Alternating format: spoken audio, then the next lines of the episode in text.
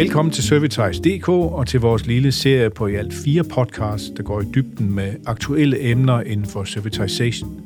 Vores podcasts henvender sig til direktører og servicechefer i små og mellemstore fremstillingsvirksomheder.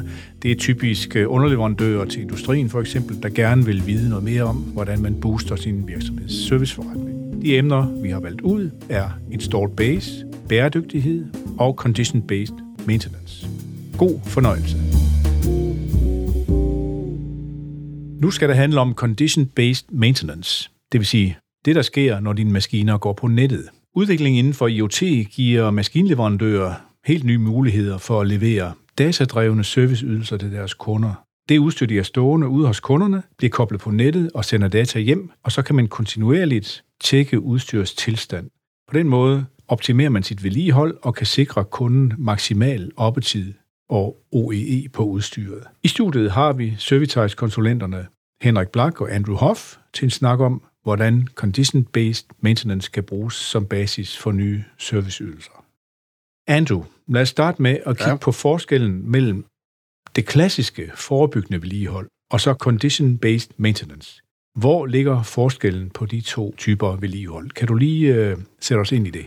Ja, hvis man kigger en del på forebyggende vedligehold, som stadigvæk øh, benyttes i rigtig, rigtig stor udstrækning, så bygger det jo egentlig på at udføre service ud fra historiske data og viden og erfaring. For eksempel, hvis du skal ned og have serviceret din bil, så ved du, at den skal serviceres efter 30.000 km. Og det er jo fordi, at det er den viden og erfaring, der gør, at man, og de historiske data, der gør, at man, man egentlig kan sige, jamen, øh, så er du jo godt sikker øh, til at livstidsforlænge din bil. Og de her mange år i historiske dataerfaring, er med til at hindre eller mindske uhensigtsmæssigheder og i nedbrud og slitage.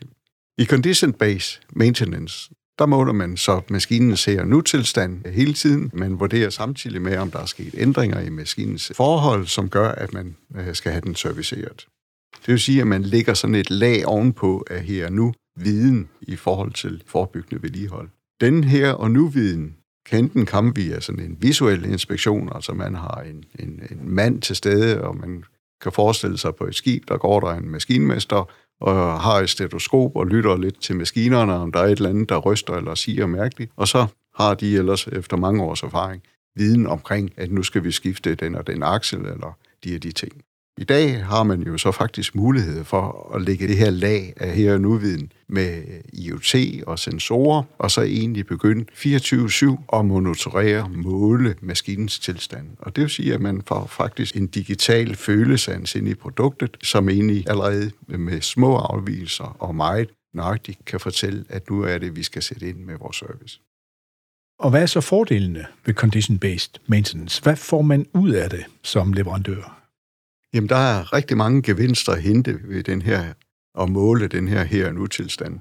Det ene, det, det kan være den der øget effektivitet på maskinen. Det vil sige, at man kan udnytte maskinen meget mere øh, i løbet af dens levetid. Man kan få et meget højere kvalitet ud af maskinen, altså det produkt, der kommer ud mere ensartet. Man har mindre nedetid som en anden del, og så kan man jo måle, hvad, hvad koster nedetid på maskinen per time. Man øh, får også en reduceret omkostning på reservedelen. Det vil sige, at når man begynder at vedligeholde sin maskine, før det går galt, jamen, så har man jo faktisk en mulighed for at, at måske retrofitte de her reservedele, som man nu skifter ud. Der er heller ikke så stor skade på andre dele, hvis man går ind og vedligeholder med det samme.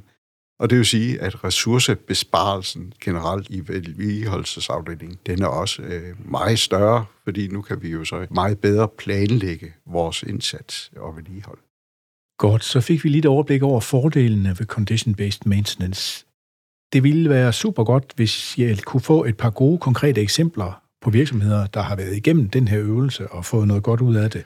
Henrik, kan du øh, byde ind med noget? Jamen, det vil jeg da gerne. Altså, en af de virksomheder, som vi har talt om også på et tidligere tidspunkt, Rail Monitor, de måler øh, tilstanden på jernbanenettet. Det er såvel øh, spor som omgivelserne, det vil sige det fundament, der ligger under sporene. Så der er muligheder for at registrere, øh, for eksempel hvis der nu har været voldsom regnfald, så øh, kan det jo godt gå ind og underminere sporene nedenunder. Der vil det jo være rart, at øh, man blev øh, varslet omkring det. Ikke kun i forhold til, øh, om det er den, der nu skal vedligeholde jernbanenettet, men så sandelig også i forhold til, om det nu er den videre, altså den, der er skal vi sige, operatør på en jernbanenet, det kan være DSB for eksempel. Forestil jer, at man kan monitorere de her ting, sådan så at man begynder at i højere grad, og ikke at have alle de her fly, eller ikke alle de her togaflysninger. Altså, øh, et af de eksempler, som Rail Monitor arbejder med, det er jo, at de monitorerer sporskifter. Og der kan man faktisk måle meget, selv meget små forskydninger, og derfor se, at her skal vi altså ud og gøre noget, øh, sådan så at man gør tingene, inden at der opstår en kritisk handling. Og øh, dem af os, der kører med tog, vi ved godt, at vi ofte hører det her, at der er forsinkelser på grund af sporskifteproblematik. Så det er jo et eksempel på, hvordan vi bruger data, ikke kun til den, der nu skal øh, sørge for at få gjort det her godt og få øh, renset sporene, hvis det er det, sporskiftene, men altså også at kunne give data videre, sådan så at man hele tiden kører en, en fornuftig drift hele vejen igennem værdikæden. Jeg kan jo så egentlig tilføje, at vi har, vi har sådan en øh, sjov lille virksomhed, som vi også har haft med i projektet, nogle der her Kai Olsen, og de bygger så noget øh, specielt som maskiner til udbening af laksesider. Det vil sige, at man øh, hiver alle de her fiskeben ud af laksesiderne. Og når man udbener sådan en lakseside og skal have sådan mekanisk skal have det her ben ud, jamen så ryger der også noget laksekød med ud. Det vil sige, at det er jo spild øh, af vores produkt og ressourcer. Og man kan sige, at øh, når maskinen er helt optimal, jamen, så er det her spild, det ligger mellem en halv og en procent. Hvis man forestiller sig en lakseproduktion på cirka 5 tons om dagen, og spildet stiger fra en halv til cirka 3 procent, så taler vi faktisk om en omkostning i spild på 15.000 om dagen. Så det er en væsentlig omkostning, som man egentlig har der ved at fokusere og monitorere, når den her ændring sker i maskinen, og spillet begynder at blive større, så er der faktisk en kæmpe upside, en kæmpe fortjeneste at hente ved at sætte ind på det rigtige sted. Og det er jo der, hvor condition-based maintenance egentlig har nogle rigtig, rigtig store fordele, at man hele tiden kan holde den her effektivitet op på et højt niveau. Okay, Andrew, nu er du jo i gang øh, med at forklare de her ting. Kan du måske også komme lidt ind på, jamen, hvordan er det så, man kommer i gang med det her? Hvis man er sådan typisk maskinleverandør og produktionsvirksomhed i SMV-størrelse, hvordan tager man hul på det her emne? Det, hvor det er rigtig godt at starte, det er, hvis man kender sin kunde rigtig godt. Altså nu i det her tilfælde med Kaja Olsen, jamen de har jo indgående kendskab til deres kunder, deres produktion, og så også de der pains. Hvad er det, de går og bøvler med derude? Og det er jo så der, hvor man skal sætte ind, fordi kundens største bøvl, øh, største pain, øh, er de jo villige til at betale en mere pris for at få løst. Hvis vi tager den her lakseproduktion, jamen en omkostning på 15.000 om dagen, hvor meget vil du betale for at få den reduceret? Så, så ved at gå ind og kigge på kundernes pains, så har man faktisk et rigtig godt udgangspunkt. Og så er der jo så egentlig kompetencer både omkring det teknologiske hardware, og så er der data og infrastruktur, som er nogle kompetencer, men det er ikke de primære i første omgang, men det er at kende kunden. Ja, så kan man så sige, at øh, man kan jo supplere også med andre eksempler. Nu nævnte Andrew på et tidspunkt allerede i starten omkring OE i det hele taget, og øh, vi har da en virksomhed, vi har arbejdet sammen med, som faktisk kunne, på grund af, at de havde condition-based maintenance, så kunne de faktisk hjælpe kunden med at blive 1% mere effektiv. Den her ene procent, den prøvede man så at omregne. Det var faktisk en halv million euro. Altså, det er, det er store beløb, og hvordan man så skal dele den halve million euro, det er selvfølgelig det, de er i gang med, og det skal man finde ud af i forhold til det forretningsmodellen. Men essensen er ved at monitorere arbejde effektivt med de her ting, så ligger der bare en, øh, en, en stor upside i det. Og øh, så skal man også overveje, hvordan man vil gøre det, fordi man behøver jo ikke nødvendigvis selv at have den viden, der skal til for at kunne lave den her sensorløsning, den her dataopsamling. Og der har vi også flere eksempler med virksomheder, som har arbejdet med øh, automationshus og simpelthen gået ud og har, har taget ekspertisen ind udefra. Man skal jo ikke selv lave alt det her det skal man altså sørge for at alliere sig med nogen, som har forstand på det. Men det skal være ud fra en viden omkring, hvad der kan give værdi til kunden, og så kan man komme afsted.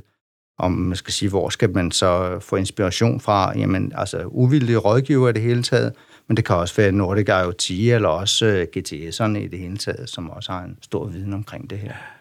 Okay, så det er jo måske meget godt lige at prøve på at snakke lidt mere grundigt om, jamen, hvem er det egentlig, man skal gå i kompagniskab med eller samarbejde med? Altså, øh, hvilke kompetencer er det, man har brug for udefra for at udvikle de her, den her type løsninger? Andrew, kan du øh, uddybe det lidt måske? Ja, men jeg vil jo gerne uddybe det med sådan ligesom at dele i, i hvert fald øh, behov for interne og behov for eksterne kompetencer. Det, som Henrik han også nævnt med, at det at have den her kundeindsigt, det er en meget intern kompetence. Det er, det er virkelig vigtigt, at den ligger inde i huset. Den, den kan man ikke outsource. Så et af vores andre podcasts, som vi snakkede om, omkring install base, det går vi ind og taler lidt om, har vi viden omkring, hvor er det vores udstyr henne? Har vi viden omkring, hvordan er det, det bliver brugt derude? Og hele den viden, den skal man have inde i huset, og den skal man også kunne strukturere og eventuelt digitalisere. Der kan man sige, så er der jo selve teknologien. Det kræver, at man har et vis teknologisk forståelse inde i huset, men der er rigtig, rigtig mange muligheder at hente eksternt. Som Henrik også nævnte, jamen der er jo GTS'erne, hvor Force Technology, Teknologisk Institut og Alexander Instituttet faktisk har rigtig mange kompetencer på det her område, som man kan hente. Og der er også rigtig mange automationshuse og teknologihuse rundt om, som har nogle systemer, som, som man kan klikke ind i. Det er jo det, hvor man kan kigge. Så man er ikke lost, fordi man ikke har den teknologiske formåen til at løse det selv. Så der har man rigtig god mulighed for at hente hjælp udefra. Godt. Hvilke barriere vil der typisk være, når man udvikler en condition-based maintenance løsning? Andrew, kan du sige lidt om det? Og man, man kan sige, at uh, internt, uh, der ligger der nogle barriere omkring kompetencer. Og det vi egentlig har set for mange af de virksomheder, vi også har arbejdet med i Servitize.dk, jamen så er det digitale kompetencer, som måske nok er den største udfordring. Dels at finde ud af, hvad er det, man skal spørge om, hvordan er det, man skal gøre det, hvem er det, man skal henvende sig til, eller er det noget, man skal gøre selv.